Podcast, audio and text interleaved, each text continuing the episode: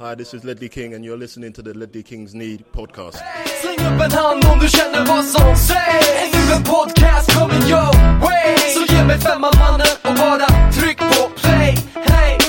Hej och välkomna till säsong 2 avsnitt 9 av Sveriges största och bästa podcast, Ledley Kings knä. Även idag har vi bytt platser, som vanligt. Men jag har fortfarande med mig Frikebrant, Håkman och Robin James, mannen, myten, legenden Dronespeed. Tjena! Idag så kommer vi avhandla ja, det som hände i helgen. Som vi inte är sådär jätteglada över och det behövs inte nämnas med namn. Voldemort och matcher. Vi ska även avhandla AVB för vi såg en del eh, reaktioner på sociala medier efter matchförlusten. Så vi tänkte vi kör, kör en riktig recension av Mansion i vårat roder. Och så får ni givetvis en ny portion av Håkman Show för Robin tar över med frågor. Upp en hand om du känner vad som sägs Är nu en podcast coming your way Så ge mig femman mannen och bara tryck på! Ja, vi börjar med West Ham at Home. Sam Allardyce 11 meters långa, 11 spelare, 11 meter långa, tjongbollar, 10 man bakom boll, eller 9, en som står på mittlinjen. Den här gången Mohamed Diamé som var högst upp i plan. Förlust 0-3, första förlusten mot West Ham hemma sedan 1999 och förmodligen den största förlusten sedan, ja, egentligen Inter Away förra året. Men det här var ju i ligan då, så jag tror det är största förlusten sedan 5-1 mot City i alla fall. Och vi ska också, tycka behandla den här lus- förlusten som att vi har förlorat med 9-0 mot Arsenal. För det är likvärdigt i Ja. våran bok. Vi, eh, jag såg eh, matchen med farsan som är West Ham-fan, uppväxt i London och har sett West Ham sedan 60-talet. Och han sa att han kan inte minnas när senaste gången han var så genuint lycklig över en vinst i eh, fotbollssammanhang på Jag såg en rätt del patetiska människor som hade köpt tröjor med Spurs 0 och West Ham 3 trots att de hävdar ilsket att det här inte är deras cupfinal. Det tycker jag är fint att fira sina framgångar. Det, det, det står jag för. Det tycker jag de ska få göra ändå. Ja, vad säger, vad säger West Hams version av hybris. Alltså, Ja, Till Robin frågan, vad säger din pappa? Är- Varför är Tottenham deras antagonistlag? Numera. Millwall är väl det historiskt sett, det förstår jag också. Men just nu Ja. är det ju Tottenham som West Ham de senaste åren. Är det för att vi har värvat Defoe och Carrick och de här? Finns Ja. det en annan historik bakom ett längre bak? ja det, det, det är inte vad jag känner till någon Ja. annan mer än att alla Londonlag hatar varandra mer eller mindre. Ja men Eh, Fulham skiter vi ju till exempel. Får jag gissa Ja. att det är för att vi är de som är närmast dem enligt dem. Ja. Har varit i alla fall de senaste... Alltså, om man tar bort sen Joel kom Mm. så låg vi hyfsat nära West Det Ham. var ju- Chelsea och ja. Arsenal har legat före. Det var inte, må- det var inte jättemånga säsonger sen som vi slutade bara en plats före dem i ligan och Nej, men nu har vi liksom Precis, gått det om är dem. där jag tror att det kommer ifrån snarare Så- än att vi köper dina spelare. Det är lite Mm. grann där sättet, liksom, den relationen som Tottenham och Arsenal ändå utvecklat har, har vi också eh, med West Ham haft kan man säga.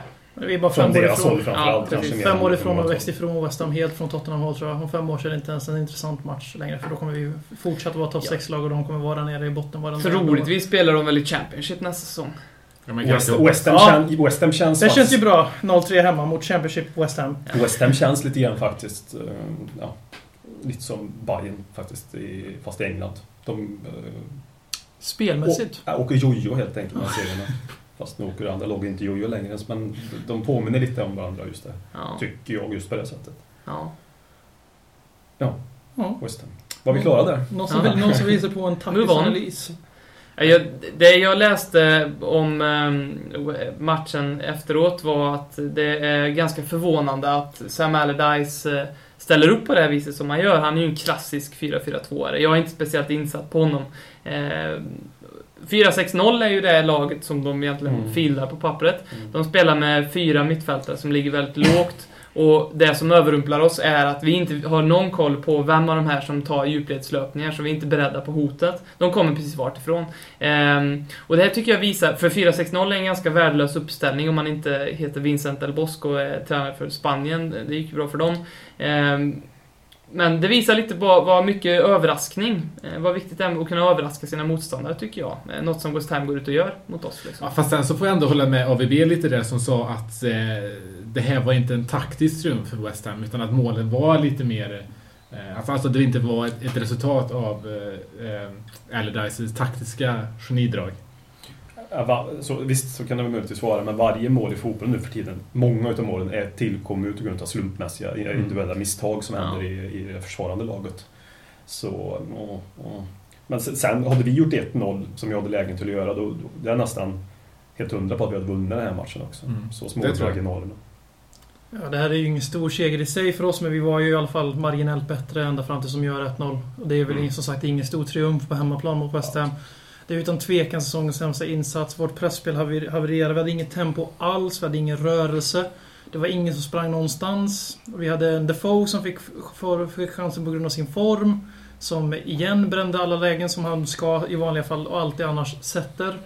Och det som ni är inne på, gör han mål så vinner vi den här matchen. Och Sen så är det alla tre mål vi släpper in är ju patetiska in- ingripanden i försvaret igen. Mm. Först en hörna som, inte, som går att undvika och där också Vertongen glömmer bort att markering finns som vanligt på hörnor. Inte just Vertongen utan Tottenham, bortre stolpen på hörna. Mm. Och sen 2-0 målet är ju det, det är ju det stora flaxmålet men då är Walker som ligger 10 meter högre upp än resten av linjen som ställer offside. De misslyckas med offsidefällan och Walker hinner inte ikapp för att han har stått för långt ifrån offsidefällan. Och sen är det ju flipperspel in och så 3-0 målet när både Michael Dawson och Jan Vertongen nästan ska hängas för att de inte klipper Absolut. Morrison när det står 0-2 med 10 minuter kvar. Finns fortfarande ett litet hopp att göra någonting av det här. Och när till och med min oinsatte flickvän skriker över att de inte kapar den här killen och låter han göra 3-0 och punktera matchen. Mm. Säger allt. Skrev, skrev min flickvän faktiskt idag på Twitter. Ja, om eh, Morgan Freeman-läraren på Älvkulla. Ja. Men det var no offense. Ja, Det det är är inte lugnt, jag förlåter det. Jag förlåter Ja. det. Mm. Mm. Nej, Frågan som jag tänkte ställa dig var, eller er givetvis, ni är fler i podden än bara Ben. Även om det känns Nej, nej, nej, nej, nej. Det vill jag inte veta. Det finns bara en Ben. Eh, det är ju Walkers ingripande. Är han trött? Matchas han för hårt? Han är ju den, han är absolut den som har matchats, matchats hårdast. Hårda, hårdast. Eh, han, liksom, han har fått spela i princip 90 minuter varenda match. Mm. Eh, och han har liksom till och med fått spela till förmån för, eh, eller ist- istället för Norton som kanske är bättre att spela honom i de här Europacupmatcherna än att ge honom det ansvaret som han faktiskt får på vänsterbacken i, i, i ligamatcherna. Så det kan absolut vara ett resultat av, av någon slags trötthet. Det, det, har, ni, har, du, har ni lagt märke till den här, eh, så som eh, Pep Guardiola har gjort med att styra in Philip Lam som defensiv mittfältare, så verkar Walker ha fått någon form av hybris och inblandar sig väldigt mycket i spelet centralt. Känns bra. Känns- Jag, jag tror att man får lite får man tillskriva Kyle Walker. Att någonting, något problem hade han innan matchen. För han gick av på upp, uppvärmningen tydligen. Läste jag, läste jag mig till efteråt. Han var inte helt hundra. Och då ska han inte spela AVB. mm. Men, eh, så det får man tillskriva lite. Men jag tror att eh, Kyle Walker har aldrig varit känd för att vara en koncentrationsstark spelare. Och han gör ju sådana här misstag varje match. Han lever extremt mycket på sin snabbhet. Han ådrog sig någon liten skada mot Anche också som man Mm. såg plåga honom ganska mycket. Ja. Eh, Så det, det är möjligt att han tvingas till spel. Jag, jag tänkte just på det backlinjen, problemet. Alltså, Michael Dawson kanske inte är den bästa backen vi har, men det är ju ändå han som ska stå någonstans för hjärnan och pusha på de andra. För Fertongen har ju koncentrationssvårigheter också som man ser till vissa stunder i matchen. Han kan komma ur matchen och Absolut. göra, göra dåliga beslut. Han har ju den högsta, högsta kapaciteten, det är inget snack om det. Kyle Norton är väl också... Han är helt enkelt inte tillräckligt bra för den här nivån. Och, Inte på är- fel kant i alla och fall. inte på fel kant, men han är tillräckligt bra för att spela Premier League, fast inte där vi vill nå nu. Och Kyle Walker, ja, han löper bra, men han har också lite koncentrationssvårigheter. Därför är- Dawsons roll i den här backlinjen jätteviktig. Och nu har inte Dawson funkat som Dawson har funkat tidigare, som jag ser det. Så, ja. Dawsons misslyckande tror jag påverkar vår backlinje mer än vad vi tror. Ja, alltså, jag, det, där, det som för mig, enligt mig också gör den här förlusten så himla sur är att de spelarna som egentligen ska stå upp för laget och vara de som är pådrivarna, det är de som viker ner sig. Dawson, Eller satt på tre- bänken då, Holte och. Sandro. Dawson, 3-0 målet, alltså huvuden måste rulla efter den här förlusten. Mm.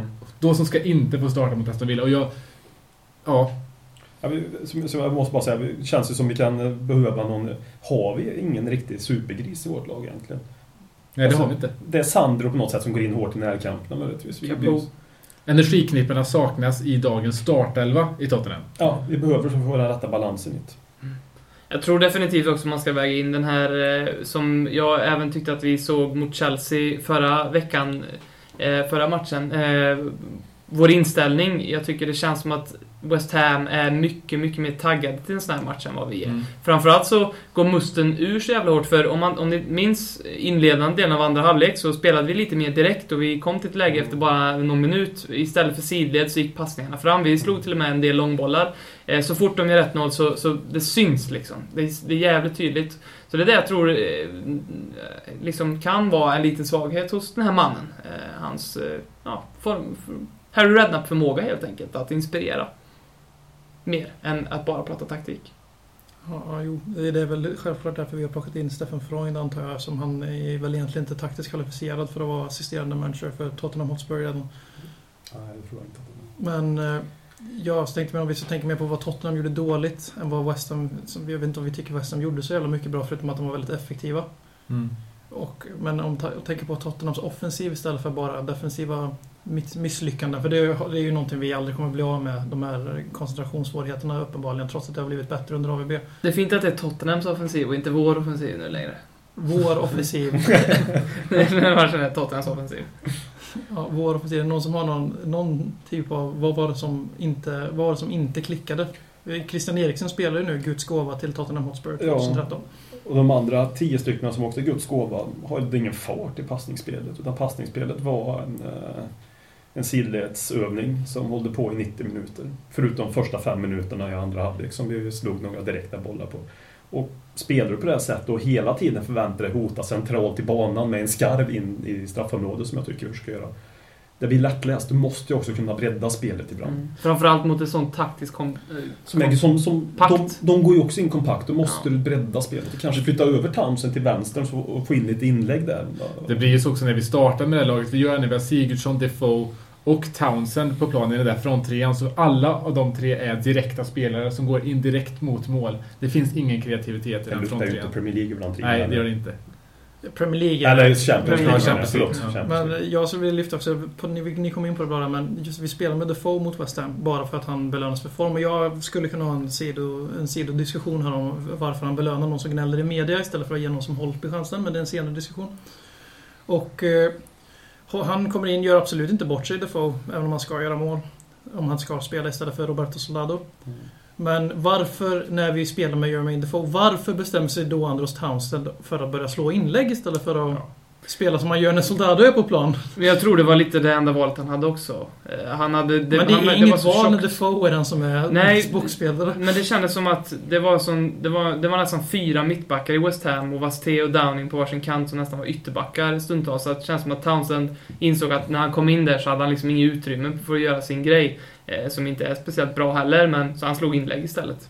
Så, så tyckte jag det såg ut. Jag, jag försökte styra den här diskussionen till att vi borde haft Soldado på plan om vi ska slå Ja, men inlägg. det är, det är inget snack om sådär. Jag, jag, jag, men det här, det här är inte... Det här är inte ett resultat av att vi förlorade och vi därmed är liksom besvikna över laguttagningen. Det här var ju ett orosmoment redan innan matchen när vi såg laguttagningen. Vi förstod den inte riktigt och det har ju varit en genomgående trend den här Så- säsongen. så. Eller åtminstone senare delen av säsongen. När faktiskt spelare så som Holtby som har visat sig vara redo för startfällan, startfällan inte får spela till förmån för en Defoe som enligt mitt tycke har fått spela väldigt enkla matcher och därmed kunna göra väldigt enkla mål till skillnad från Soldado som faktiskt spelmässigt har imponerat på mig. Före, före någon besserwisser på kommentarerna efteråt lyfter det så kommer de ju hävda att Holtby har ju, ju presterat sina matcher och sina assist i samma matcher som Defoe. Så att, eh, men jag, de har ju olika egenskaper. Jo men, jo, men det, eh, Holtby har ändå kommit in i PL-matcher och visat på, på samma ja, kvalitet. ja, det var dit jag ville komma. F- Finns det en, eh, en uttänkt, liksom, Premier, ett Premier League-lag och ett Europa League-lag från AVB? Alltså att han inte... Eh, det, det tror jag definitivt, men jag tror inte det är det lagen, de lagen vi ser nu på pappret. Nej. Jag, jag tror till exempel inte att Lamela kommer vara, eller vad säger jag, Townsend kommer vara den som startar i i Premier League till förmån för Lamela. Mm. Eh, Defoe kommer nog inte vara det i Premier League till förmån för Soldado och så vidare. Men då undrar man hur länge han har tänkt att mör- mörda på. Om det är hela gruppspelet liksom han tänker sig det här och... Jag tror att han väntar lite på rätt tillfällen. I, I politiken så är det så att alla partier har eh, förskrivna policies och de väntar bara på någonting som kallas för ett window of opportunity när de kan eh, eh, liksom sätta igång de här policyerna. Jag tror det är lite samma sak för, för AVB. Han väntar bara på rätt tillfälle för att sätta in Lamela, kanske Sandro och så vidare. Kan, kanske Holtby också är en av dem. Ehm, och jag, det här är definitivt ett sånt läge. Vad, vad skulle ett sånt window opportunity kunna vara? Det här, Mm. Att, att det blir en sån här förlust liksom? ja. Ja. Det största nederlaget jag har varit med i i modern tid. Ja. Ja, det- ja precis. Ah, Jo, det är det fan i mig. Ja, vi förlorade åren, men då var inte ni med. 97 förlorade vi med 7 eller 8 mot Chelsea hemma. Christian Gross första match då. också. Den är ganska tuff den också. Ja, den var tuff. Det är som 94, 15-1 mot- 94 förlorade vi på White Hart Lane med 4-1 mot West Ham. Mot- Teddy Sheringham gjorde mål på straff. Ja, Ja, men det här är, det här är Men alltså, Tottenham. Ja, eh, men jag tror också att nu när vi startar om igen för tredje gången i Premier League i eh, 20 oktober tror jag var matchen mot Aston Villa. Då, då tror jag faktiskt att Lamela kommer starta. Jag tror att vi kommer ha mer utav de spelarna som vi på förhand trodde skulle starta. Jag hoppas verkligen nu, nu har jag verkligen sett en grej som jag vill se i det här laget. Jag tycker Moussa Dembele och Paulinho är jättebra, men jag tror de två ihop kanske, vi skulle må bra av en av en Sandro eller en Capo, Capo Ja, i det här laget. Alltså, någon av de två. Det betyder inte att de två per definition är bättre än Paulinho och Dembele, utan de, det skulle bli en bättre mix utav allting. Jag håller med. Jag håller med. Tror du någonting positivt kan komma ut ur den här förlusten? Förutom just att vi förmodligen kanske tar in Lamela i startelvan, eller Mm. Lamela. Mm. Men om, tänker, om vi tänker mer i formen av var det här positivt för killarna att nu fick de... eh, För de verkar ha trott lite på, eller vi har trott lite på vår egen hybris. Och eh, kanske överskattat vår prestation lite eftersom vi har, vi har ju slagit, precis som Liverpool och Arsenal framförallt, har slagit relativt enkla lag och hankat oss fram. Nu har vi mött i och för sig både Arsenal och Chelsea så min poäng är inte riktigt lika stark men vi har ändå inte vunnit mot något lag som vi inte borde vinna mot. Och vi har inte... Det här var liksom den riktiga mina vi gick på.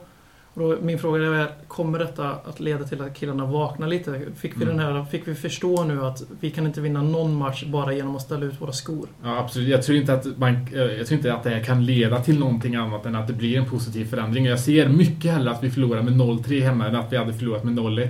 På samma sätt som Everton borta i fjol. Det var bättre att vi förlorade med 2-1 genom att släppa in två mål på övertid och därmed liksom blotta he- hela vår, eh, vår, vår svaghet. Precis som det här gjorde nu.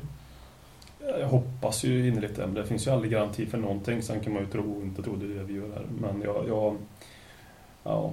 Sen, sen så kom... Ja. Jag, tycker faktiskt att spelet har ju varierat. Och det ska vi komma in på senare. Men jag tycker faktiskt spelet har...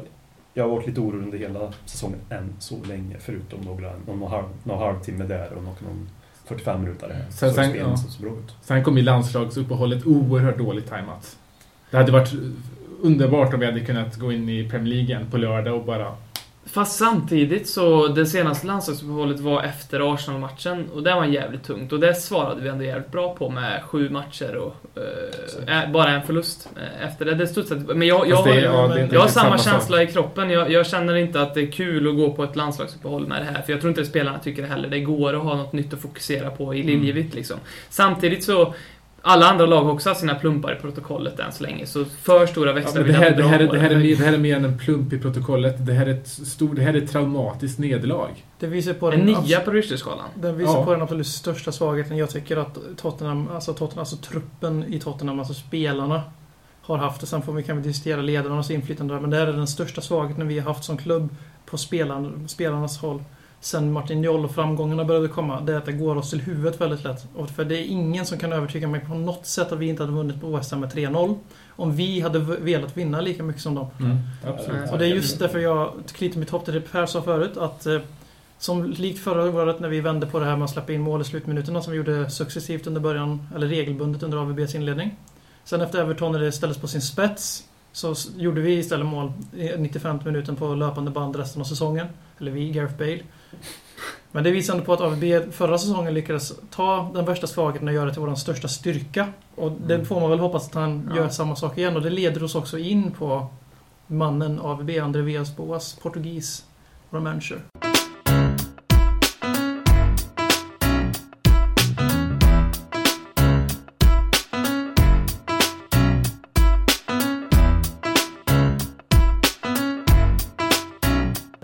Ja, vi går direkt in i statistiken då så vi får den tråkiga delen av AVB-recensionen i Ledder Kings knä avsnitt 9, säsong 2. Vi får det avklarat först tänkte jag, så öppnar vi för våra djupa filosofiska tankar. Och ideologiska och pornografiska tankar efteråt. Så vi börjar då. Statistiken ger AVB rätt, heter min punkt här om André Villas Boas. Han är nämligen den eh, Tottenham-manager genom tiderna som har näst högst vinprocent av alla Spurs-manager. Med sina 55%. Vi kan väl säga 54,5 efter eh, vi fick rövpisk av West Ham.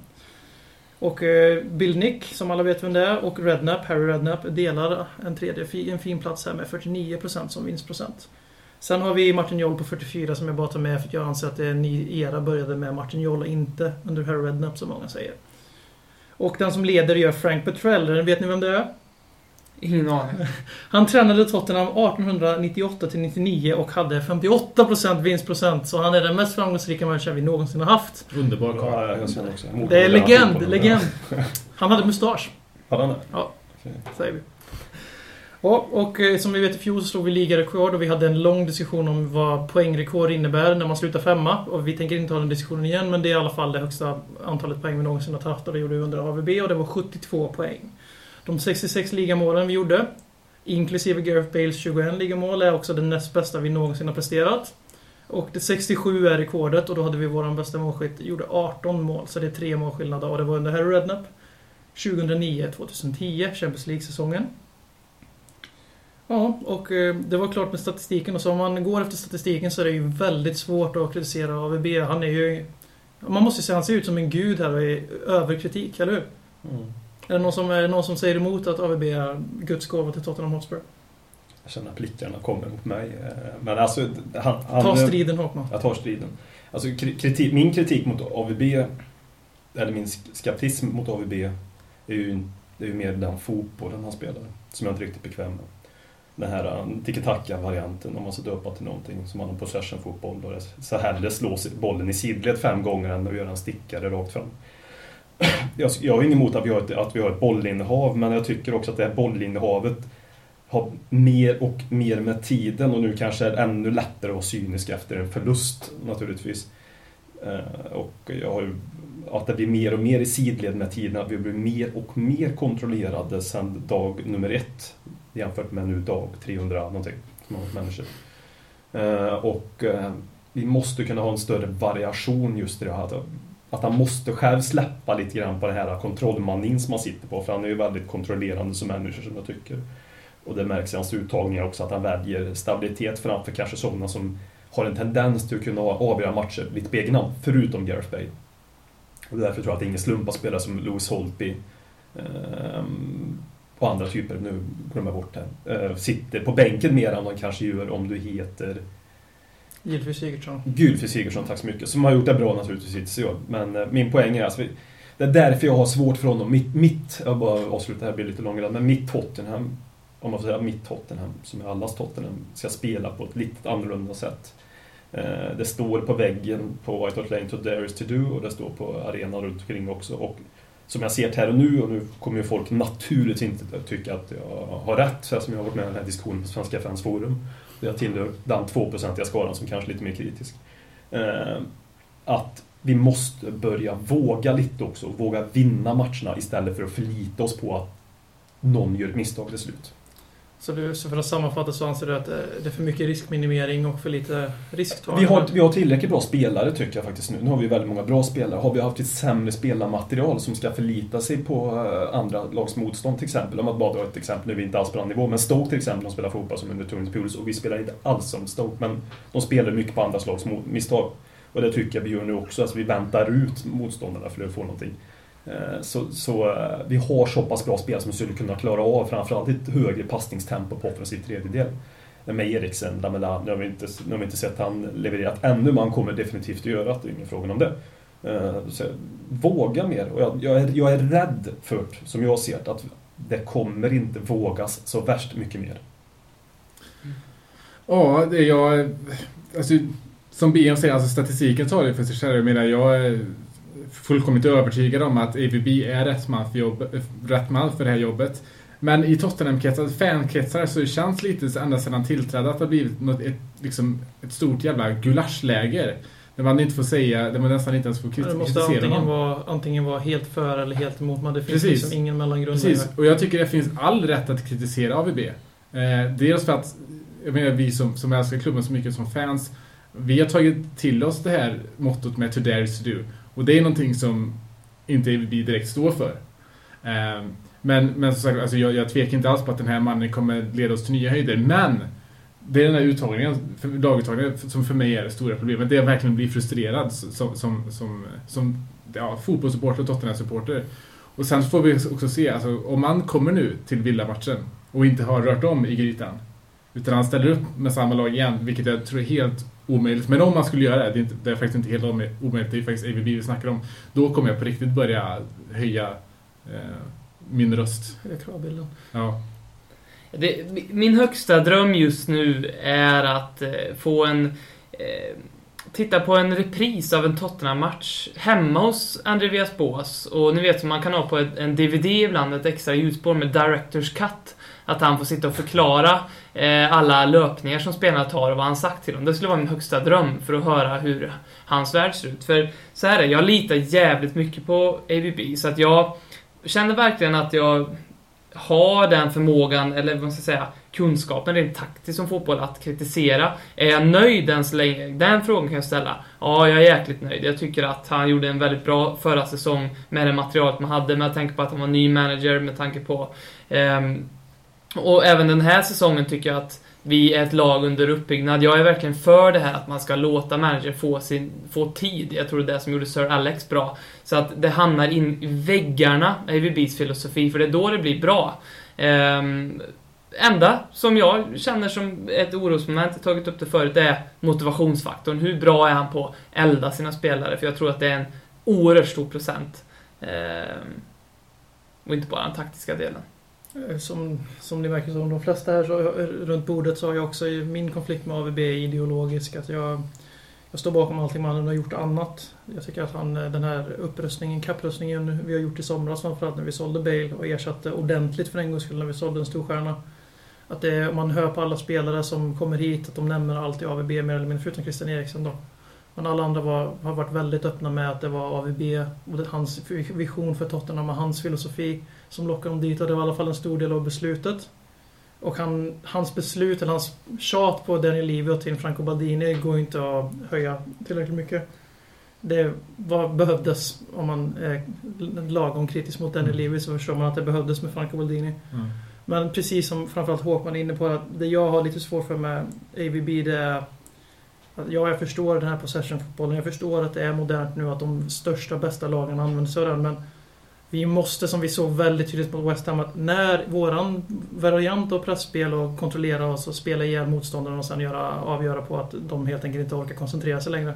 Att när det inte funkar som det inte gjorde mot West Ham, då måste det ske en förändring. Och vi såg fem minuter där spelarna började passa bollen framåt. Men sen så, efter det så var det bra. Vi gjorde inte mål på de fem minuterna och så hände ingenting. Vi byter in Lamela istället för Sigurdsson. Det här är en match för ett litet stickprov men det går bra att exemplifiera misstagen han gör, svagheterna. Han tar in Lamela istället för Sigurdsson men då sätter han honom på den kanten så att han blir en inläggsspelare. Mm. Vilket han inte är. Och då blir, hamnar vi igen i det här läget. Då har vi två stycken som spelar. Townsend, Townsend som har den här inverted winger-rollen som AVB älskar. Och så Lamela som borde vara på den här kanten. Som får spela winger, vanlig winger. Och så, båda två slår inlägg på 1.42 långa Jermaine Defoe. Och det, det, vi tar inte tillräckligt stora risker. Vi byter in soldater när det står 2-0. Holpi får vänta i 10 minuter när det står 2-0. Står på sidlinjen i 10 minuter och väntar och sen när det blir 0-3 då kommer Lewis Holpi in i en match där vi saknar energi. Och som sagt, det är orättvist och det är affekt. Men jag tycker att den West Ham-matchen gav väldigt perfekt exempel på hur det är när det är som sämst under AVB. Mm, absolut. Och när det gäller den här Townsend Lamela-grejen så är det, tycker jag, från AVBs sida väldigt mycket att han vill ha, äta kakan men ändå ha den kvar. Eh, Vi har två spelare som är väldigt bra men de är på samma position och det, då är det faktiskt så att du kan inte spela båda samtidigt. Ja, var ju annars här Redknaps största svaghet, tycker Precis, jag. precis. Men sen är det också så att AVB är inte en färdig manager. Han är, han är väldigt ung och han har fortfarande saker att lära sig och då ska man verkligen kunna få kritisera honom för sådana här grejer som är uppenbarligen hans svaghet. Ja, precis. Lika väl som vi kan kritisera honom, lika väl kan vi berömma honom också. Som jag tycker till exempel, jag tror AVB är en fantastisk fotbollskunnare. Eh, skulle man sitta och prata fotboll med AVB så skulle man nog gå därifrån och vara jätteimponerad av hans tankar och idéer. Eh, sen, sen gäller det att få ut de tankarna. För jag, jag, jag jag hoppas ju med hela mitt hjärta att den här fotbollen som man, som man såg i söndags, bortsett från att vi förlorade med 3-0, inte, att han inte var nöjd med det, även om han i, även om han i BBC-intervjun efteråt sa att han tyckte att första halvlek såg bra ut och att vi kunde leda med 1-0. Så jag, någonstans hoppas jag att det är någonting han ser utåt för att skydda spelarna och att han kanske in i gruppen agerar på ett helt Det kan annorlunda man också sätt. göra för mycket av dock. Ja, och jag, vi Det- pratade ju lite, vi såg, eh, jag, BM och Per såg den här matchen ihop i söndags och eh, vi sa väl när vi skildes åt att vi hoppas nästan på en liten eh, Paolo Di Canio-agerande nu efter matchen. Just att någon gång är det läge till att, att visa sitt missnöje. Inte då hänga ut en specifik spelare, utan lagets insats. Inte göra som Di Canio när han hängde ut John O'Shea till exempel, utan hänga, ut- hänga ut laget. Mm. Men jag vill bara säga, jag, jag, jag, och för att jag är negativ personligen till vissa delar utav AIB betyder ju absolut inte att jag vill han ska få sparken. Det, det tror jag inte löser någonting och det är inte alls min agenda i, i mina, mina kritiska det är kritisk mot så att säga. Utan Jag hoppas ju att han ska få tid och hoppas att han kan motbevisa mig och, ehm, och ehm, de andra som kanske eventuellt vill se lite mer attraktivt fotboll, lite mer fart för fotboll. För, för mig i grunden varför jag är kanske lite mer mot AVB, eller är det, det handlar om mina egna fotbollsfilosofiska tankar vad jag, hur jag tycker att fotboll ska spelas för att jag ska bli mest tillfredsställd som supporter. Absolut, och jag menar det är en av anledningarna till att jag har identifierat mig så starkt med Tottenham är att de spelar den, i, i, rent historiskt sett, har spelat den fotbollen som jag själv Mm. förespråkar mycket. Och nu har vi liksom lite gå- gått ifrån den till förmån för att vinna titlar. Och jag vill jättegärna vinna titlar, Ja. men jag vill också ha kvar Tottenham-identiteten. Eh, så sen så håller jag verkligen med om det här med, med att det skulle kunna passa med en Dicanio-konferens. För det, han, han testar tålamodet hos fans lite väl mycket ibland. På tal om att ha kakan och äta den, eller inte äta den, just det där. Jag, jag tror, återigen, vi vill berömma EVB lite grann, eller Håkman vill göra det, och det tror jag, det tycker jag ändå vi kan göra. Jag, det, det som känns jävligt tryggt är att han tror på sin sak. Och han har en väldigt tydlig spelidé. Det kommer ta tid att implementera den. Eh, sen så tror jag definitivt vi kommer se flair-fotboll från, från Tottenham framöver. När spelarna får mer självförtroende, när Lamela utvecklas mer. Eri- Eriksen, Soldado allihopa. Det här laget som är hälften är nya från i somras, när de Mm. växer ihop så blir det förhoppningsvis mer attraktivt. Men det är inte det som är vår poäng här, utan vi är mycket medvetna om att det, det händer positiva saker med AVB. Vi, som, vi kan ju dra några, att vi förlorar väldigt sällan. Alltså det, vi är aldrig chanslösa längre, vilka vi än möter mot. Jag är aldrig rädd inför en match längre än någonsin. Det var jag fortfarande rädd när, för jag var helt dödssäker på att vi skulle aldrig vinna mot de stora lagen, förutom mot Arsenal då, för där började han ju utveckla en hyfsad så slog han ju Chelsea en gång. Men eh, det var att titta 1-5 mot Manchester City och jämföra Mm. med hur det ser ut nu när vi spelar mot topplagen. Det är därför också jag tycker att den här matchen mot West Ham är så illavarslande på något sätt. För det känns som att alltså, topplag förlorar inte med 3-0 hemma. Folk, alla kan gå på en mina. Absolut. Men du förlorar inte med 3-0 hemma mot West Ham. Inte Och det, det, det liksom det som har varit hans styrka har nu helt plötsligt som... Då förlorar det en sin mening. Ja. Mm. Framförallt att, att visst förlora med 0-3, se, målen är inte så jävla, det är inte det viktiga här men att grejen vi förlorar inte med 0-3 för vi går all out, guns blazing för att kvittera. Precis, precis. Utan vi förlorar med 0-3 för att vi, fast för att vi spelar exakt likadant alla 90 minuter och det är det som oroar mig. Mm. Men sen har vi också, om vi ska gå igenom lite höjdpunkter, om vi går igenom lite höjdpunkter med matcherna lett laget, och man får det faktiskt ha sett att han har ändå lyckats en hel del med att få in den här drömfotbollen vi alla har. Vi har City förra säsongen hemma. Mm. Vi har Inter hemma förra säsongen som var, det var fotbollslektion igen mot de italienska giganterna. Och då var vi bra. Ja, Mm. och det var vi även, vi var även, eh, skulle jag vilja hä- hävda, vi var ganska bra hemma mot Arsenal förra året när vi spelade av. De vann med 2-1 helt rättvist och det var inte ens en diskussion om att de var förtjänta att ta poäng. Det är inte som den här typiska vilda västern-duellen vi brukar ha med Arsenal de gångerna vi lyckas slå dem som 2-3 på Emirates. Och eh, United borta får man ju också ge någon cred för. Där hade vi, och så vill jag kontroversiellt lyfta när vi förlorade med 5-2 mot Arsenal i fjol. Eller var det... Jo, när vi fick Mm. Adebayor utvisad. Ja, annars vi började ju jättebra den matchen. Jo, men inte bara det, utan att efter Adebayor blev utvisad och vi ligger under med 4-1 så försöker AVB Ja. fortfarande vinna den matchen eller Mm. ta poäng. Och det är någonting, då visade han fan mig mod, men det, så, det får inte krävas så mycket för att han ska göra det. Men det som, är, det det som jag känner för, för förra säsongen, då kändes han modig. Det gör han inte i år, tycker jag. Jag menar, vi ligger under mot, mot Arsenal och då sätter vi in en Sandro. Visst, det var energiknippe som vi efterlyste mot, mot West Ham. Men ändå, liksom när du ligger under mot 1-0 mot, mot Arsenal och jagar, då kanske inte Sandro ännu vill, vill eh, stoppa in. Samtidigt som man har väntat nästan skrämmande länge med, med byten i vissa lägen. Speciellt eh, senast mot eh, Chelsea. Mm.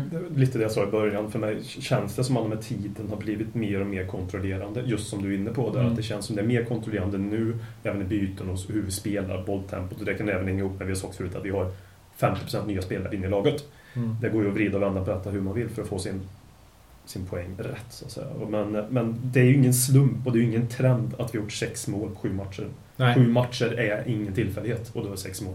Och så har vi Och två flera straffar. straffar. Ja, precis. Mm. Det är ingen... Men Det, straffar är också mål. ja, men det är ingen... Vi, ja, vi säger att det är fortfarande mål, men det är fortfarande sex mål på sju matcher. Det är ingen... ehm, Det är inte guns blazing, så att säga.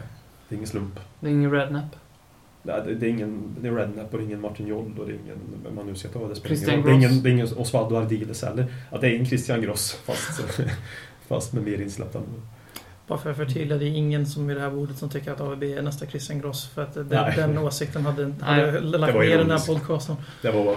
Jo, jo, det var en bra liknelse nästan. Det är svårt att vara ironisk ibland som eh, Benjamin Fjällstad fick eh, här förra, förra veckan. Eh, han- på Twitter när han kallade oss... Ja, han försökte vara Arroganta ironisk och, pompösa, ironiskt. och, och vi häpnade. Oj, har vi sårat någon nu? Men han var ironisk. Det är svårt. Det går inte alltid att lyckas med det. Vi avslutar den här diskussionen om AVB med att vi betygsätter honom helt enkelt. Där MVG är att han har gjort allting bäst. Han är bäst i världen och han är gud och får inte kritiseras. Där underkänt är att han är, ja, inte godkänd helt enkelt. Med den, Från dag ett till dag... från, till, ja, från dag ett till nu. 427. Får man ge plus och minus. Nej, det blir inget sånt. Det blir G, VG, MVG eller IG. Per, du får äran att börja. EVB strålade förra säsongen. Kom eh, femte plats med en trupp som egentligen ska komma sjua. Jag ger dem en VG. Eh, får man... eh, Vad det du sa? Plus? G plus? Nej, Så inget jag fick tydligen plus. jag fick inte det. Ganska tråkig... Ja, det är en tråkig skala. Nej, men det blir ordentligt Det- då. det är inte ens en aktuell skala. Vi, vi, vi, har inte ens, vi, har ta, vi har inte ens det här betygssystemet Nej, i Sverige längre. Nej, men försök Det är förklara försök förklara Ja, men det är då- för våra lyssnare. Jag säger godkänt. Godkänt. Ja, Robin? Nej, VG. Ja, så, så, väl, väl godkänt. Självklart. Hookman Show! Talkman show, Talkman show, Talkman, Talkman, Talkman show.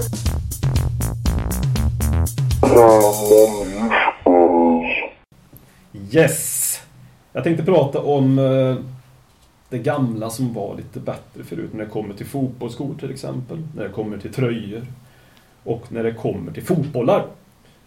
Eh, när det kommer till eh, nummer på spelarna som spelar på planen så vill jag ju framförallt ha 1 till 11. Jag vill inte ha de här äh, nummer 35. Jag vill inte ha nummer 77. Vilka nummer man kan välja. Utan det ska vara 1 till 11 och det ska ju vara på ett visst sätt också. Att målvakten ska ha nummer 1 till exempel. Jag kommer bara dra några exempel, jag har inte upp alla. Att äh, en, den defensiva innermittfältaren tycker jag ska ha nummer 4. Att mittbackarna ska ha 5 och 6. Och anfallarna ska ha 9 och 10. De nästan får ni lista ut själva menar.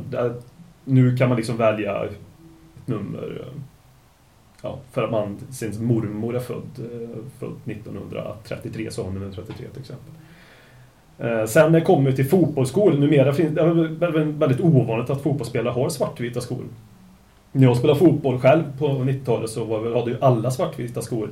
Det kom någon med någon annan färg vid något tillfälle och då kallade jag han för eh, fröken och så efternamnet på det här för han kom i blåa skor till exempel. Och det kan man väl tycka var mild om men det var den attityden vi hade. Nu har jag också hört att Adidas ska sluta tillverka svarta skor. Detta fick jag reda på för 23 sekunder sedan ungefär.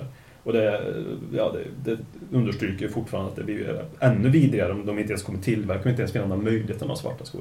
Detsamma gäller ju bollar, som jag vill minnas ska ju bollar vara svartvita. Det är ju inte bollarna längre. Det är väldigt få bollar som är svartvita. Nu är det ju, de är ju orangea, de är... Eh, ja, ni får fylla i om det är någon färg jag glömmer. De, de är ju väldigt få som är svartvita i alla fall. Så det jag vill ha det är mer också, och osammanhängande. Målvaktströjan ska alltid vara grön och långärmad. Det är också väldigt viktigt. Talkman show, Talkman show, Talkman, Talkman, Talkman show.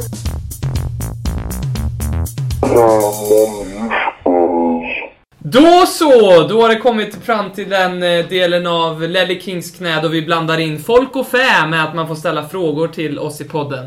Eh, och vi hoppar rakt in eh, i den här delen av programmet med en fråga som vi inkom via Twitter, som vi känner att vi har väldigt bra koll på. Frågan lyder från Tobias Hedberg på detta vis. Om man blir akut skitnödig på plan! Utropstecken. Fejkar man en skada eller tar man det som en man och skiter ner sig offentligt? Låter Per svara. Eh, det, det var ju ett eh, exempel i fjol med Jason Punchon eh, för Southampton va, som gick av planen bara för att Bison när han kom in tillbaka på plan så stod klacken redo med He went for a shit He went for a shit Jason Punchon He went for a shit Melo- Melodin känner man igen också. Shit Army! Ja. Nej men det... Ja, men Gar- sen var Gary Lineker VM 90 Ja. på sig Ja, mot. Kamerun i kvartsfinalen. Och klet av det på gräset sen efteråt. Var det så? Ja. Mm. Så det, det gillar vi. Vad är svaret på frågan då? Så vad, är- vad, är- Ja, det vad, finns är, ju olika alternativ. Du, ser, du kan skita på planen eller så kan du gå på toaletten. vad är att ta det som en man? För det är det som är frågan. det, det är ju det är ju skita på planen. Skit i Alltså det vad kostar ju ditt lag. Du får vara en man mindre i flera minuter. Mm. Alltså vad är det? Det är bara att byta ut direkt. Det är inte hockey. Man kan inte hoppa in och ut som man vill i en match. Nej. Oskar Ferdinand Olsson, eh, på tal om det här då med, med bajs. Eh, bajs, motsatsen till, till det är ju eh, Kiss och något som inte har med det att göra, det är Dawsons kontraktsförlängning. Eh, aldrig förstått mig få vad folk ser hos Dawes, men eh, än att han har spelat här jävligt länge. Han är så otroligt osäker och det håller inte om vi ska bli topp 4. Ser ni han som startspelare?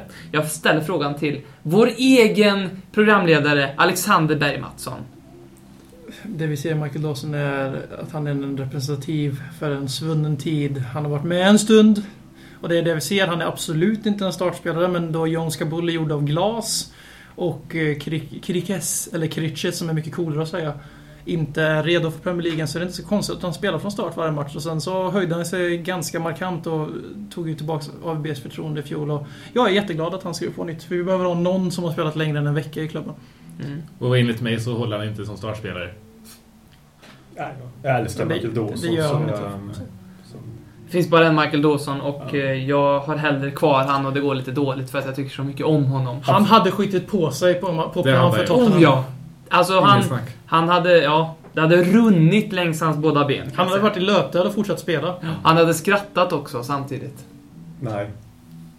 Det tror jag han hade gjort Mm. faktiskt. Eh, hur som helst, eh, här kommer en fråga från en eh, känd profil i Tottenham Hotspur-kretsar i Sverige. Johan Sjöström, också ordförande för Tottenham Hotspur Supporter Sweden, officiella supporterföreningen, har blivit nämnd i podden nu för andra veckan i rad. Eh, vår idoldyrkan fortsätter. Hans fråga är vad är kontinuitet? Hur tänker man som en supporter när man börjar prata försäljning av spelare, sparka tränare efter sju utropstecken matcher där vi vunnit fyra? Vad är en rimlig målsättning för året? Ta den Robin. Ska jag, ska jag ta den? Ja. Svara sin egen fråga. Ska jag besvara min egen fråga, eller Johans Det var fråga? inte din fråga. I, i det här. Eh, vad är kontinuitet är egentligen eh, frågan här egentligen. Hur tänker man som supporter? Eh, jag tycker att man inte tänker alls. Man tänker jävligt Manchester City-aktigt. Man tänker liksom Ja, som ett Chelsea-fan troligtvis gör liksom Okej, nu har vår manager inte vunnit en match på 4-5 omgångar. Eh, vi, kan vi köpa en ny nu? Um, Jag är ju allt för kontinuitet. Jag tycker att man ska ge en manager god med tid. tid liksom. Låt det gå åt helvete några, några säsonger bara för kontinuitetens skull. För att han ska kunna få sin filosofi liksom etsat in i väggarna. Eh, Så att det, det, vad är rimlig målsättning för året? Definitivt topp 4. Något annat, eh, någon annan målsättning hoppas jag inte att vi har. Det vet jag att vi inte har heller. Eh, och det tycker jag är fu- fullt rimligt också. Mm. Vad säger ni? Ja, Jag var topp fyra. absolut. Mm. Kommer vi topp 5 i år så ska vi inte ha någon annan mål- målsättning än topp 4. Vi, vi fick ju också en eh, fråga eh, Andreas Lundström, när vi summerar säsongen, tror ni Lamela och Soldado motsvarat sin prislapp? Som har lite med det att göra. BM, vad Vi är inne på det här med kontinuitet igen då. Att vi kan ju, utan att säga någonting om eh, supportrar i dagens värld, men det blir en liten utläggning här. Att dagens supportrar anser att de är berättigade att ha åsikter och gnälla om allting. För att det är dagens informationssamhälle. Man kan ta del och man kan sprida sina åsikter väldigt lätt. Och eh, jag kommer ihåg en tid, jag är 22 år gammal och jag kommer fortfarande ändå ihåg en tid när supporterskap gick ut på att stötta sin klubb. Och inte blind slav som sväljer allting som matas från huvudklubben. Men däremot att man får ha saklig kritik, man får kritisera, man får bua efter 0-3 mot West Ham. Men nu för tiden ser jag framförallt på Twitter när vi förlorar så ser vi, ser vi ut exakt som de här plastsupporterna som vi alltid beskyller andra lag för att ha. Att de sitter och skriker Wenger out, Wenger in var, varannan halvlek i Arsenal. Vi börjar bli exakt likadana och jag upplyser alla att eh, sitta och skriva av Soldado för 26 miljoner pund och Solda- eh, Lamela för 30 miljoner pund efter sju matcher. Nytt land, ny klubb, ny manager. Allt det här och jag vet att det är en del av fotbollslivet att flytta till nya klubbar. Men Soldado har aldrig varit utanför Spanien. Han börjar närma sig 30. Lamela har bott i Sydamerika och Italien. Inte ett jättestort steg jämfört med att flytta till London. Och jag skiter i att folk anser att det är proffs ska klara av det. Jag kan säga så här, när du flyttar till en annan kontinent och till en helt ny, ett helt nytt klimat med en helt ny arbetsuppgift. Om du presterar så du är värd exakt det det har kostat för det här företaget att anställa dig. Efter sju matcher som snabbare har sett 200 spelminuter kan vi säga att han har gjort kanske Lamela, ungefär något sånt där. Och eh, om ens det. Och då ska han alltså prestera värd den här prislappen som var väldigt, väldigt inflaterad på grund av Gareth Bales summa. Alltså det är absurt för mig. Det är, alltså, han har gjort två assist och jag tycker det är godkänt på sju, matcher. Inom parentes där han bara spelat tre från start, vilket var i kupperna. Så du tror... De kommer leva upp, de kommer leva upp till de där prislapparna. Inte på riktigt, men alltså de kommer absolut prestera. Mm. Tack B.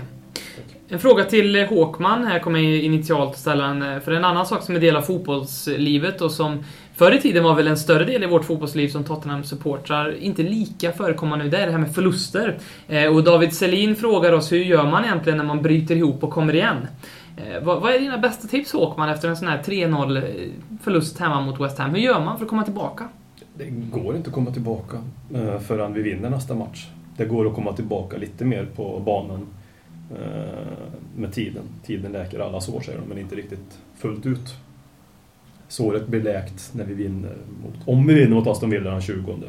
Sen vill jag bara säga att liksom, det är ju så här, desto mer du har att förlora, desto tyngre blir ju förlusten också. Så nu har vi en Champions League-plats att förlora. Det är ju inte vår Champions League-plats från början, men när vi var på tionde plats då kunde en sån här förlust, De var, de var lättare att ta förut, för tio år sedan.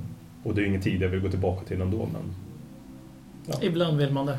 ja, en Ja. söndagskväll vill man kanske inte. Men har ni något, har ni Ja, något alltså, man- konkret? Något ni Nej, men, brukar alltså, det- det- Se inte på fotboll. Alltså, jag vet inte, jag, jag, när det går dåligt för oss, som det gjorde nu, så är det extremt jävla genomuselt som i söndags. Då, då tappar jag lusten för att se fotboll överlag. Så Stäng ner Twitter. Stäng till. Se, se matcherna med en vän eller ha en podcast som handlar om Tottenham. För då får den här kollektiva terapisessionen som är Mm. väldigt nyttig. För, Det Nej, starta inte en Tottenham-podcast. Nej, inte Vi gillar inte konkurrens. Men, men eh, kom in med era frågor. Jag tycker. En, en sista fråga. Vad gör ni på lördag? Då fyller nämligen Ledley King år. Har ni tänkt att fira det på något speciellt sätt? Absolut. Det har vi gjort. Hur, hur då? Eh, vi har bokat eh, eh, eh, festlokal Karlstad. Så ni kommer vara välkomna. Vi kommer skicka ut en Champagne, inbjudan. protesknän överallt. Mm. Kanske ett besök från mannen själv i bokform. Har ni, har ni eh, funderat på att skaffa Harry Redknapps eh, nya tredje Mm, Nej. biografi? Nej. Ja, Den kommer jag också skaffa. Mm. Ja, det är bra. bara för att det är intressant. Även om man kanske, jag har sett att folk skriver att han var usel. Jag Eh. Jag kan ju, kan ju spoila då att han har sagt att det var hans förtjänst att Gareth Bale blev en 86 Jo, han- miljoners pund. Hans Ja, tuffa ja, kärlek mot Gareth Bale gjorde så att han blev den han är. Jag tror nog inte att det var så mycket tuff kärlek. Nej. Men, eh, ja, men jag vill nog läsa den. Alltså ingen garanti, men troligtvis ska man nog köpa. Mm. Så vi avrundar med att eh, Håkman får belysa ytterligare ett Ledley Kings knäprojekt som Mm. vi har börjat arbeta med. Vi har ju redan eh, Robins fantastiska Show Your Spurs som vi vill att ni fortsätter med trots iconic moments eller vad Tottenham Official kallar det. Eh, Skit i det där. Kör show Spurs. Fortsätt lägga upp bilder där. Vi kommer att mata på dem. Vi vill ha mer inlägg. Kom igen nu. Mm. Skriv, åt, skriv Och vi kan säga att båda de här två projekten har ju faktiskt kapats utav modeklubben Ja. senare. Så Både nu, fanbloggen och nu kommer det tredje också bli det här. De kommer ju starta en egen podcast sen som, som heter typ Michael Dawsons hipp. Mm. Alltså jag har skrivit lite på Twitter. Jag söker efter en Tottenham-supporter. Optimalt att Tottenham-supporten bor i Värmland. Optimalt att Tottenham-supporten är lite äldre.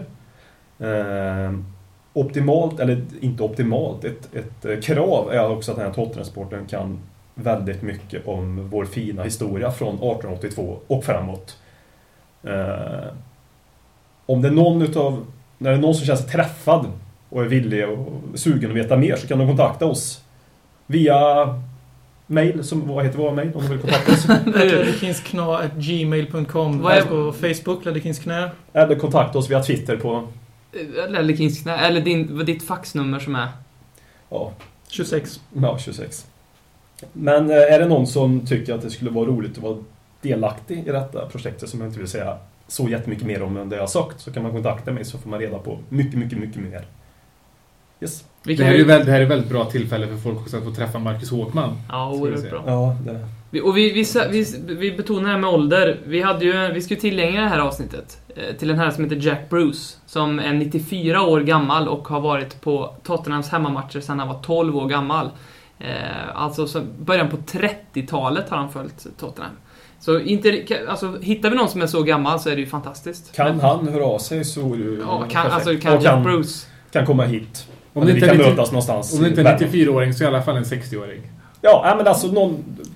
Ja, Ja, vi tackar för oss för den här veckan och så vi kommer faktiskt tillbaks nästa vecka trots landslagsuppehållet så då, vi hörs då. vi gör det. Det gör vi. Yes. Tja. Tja.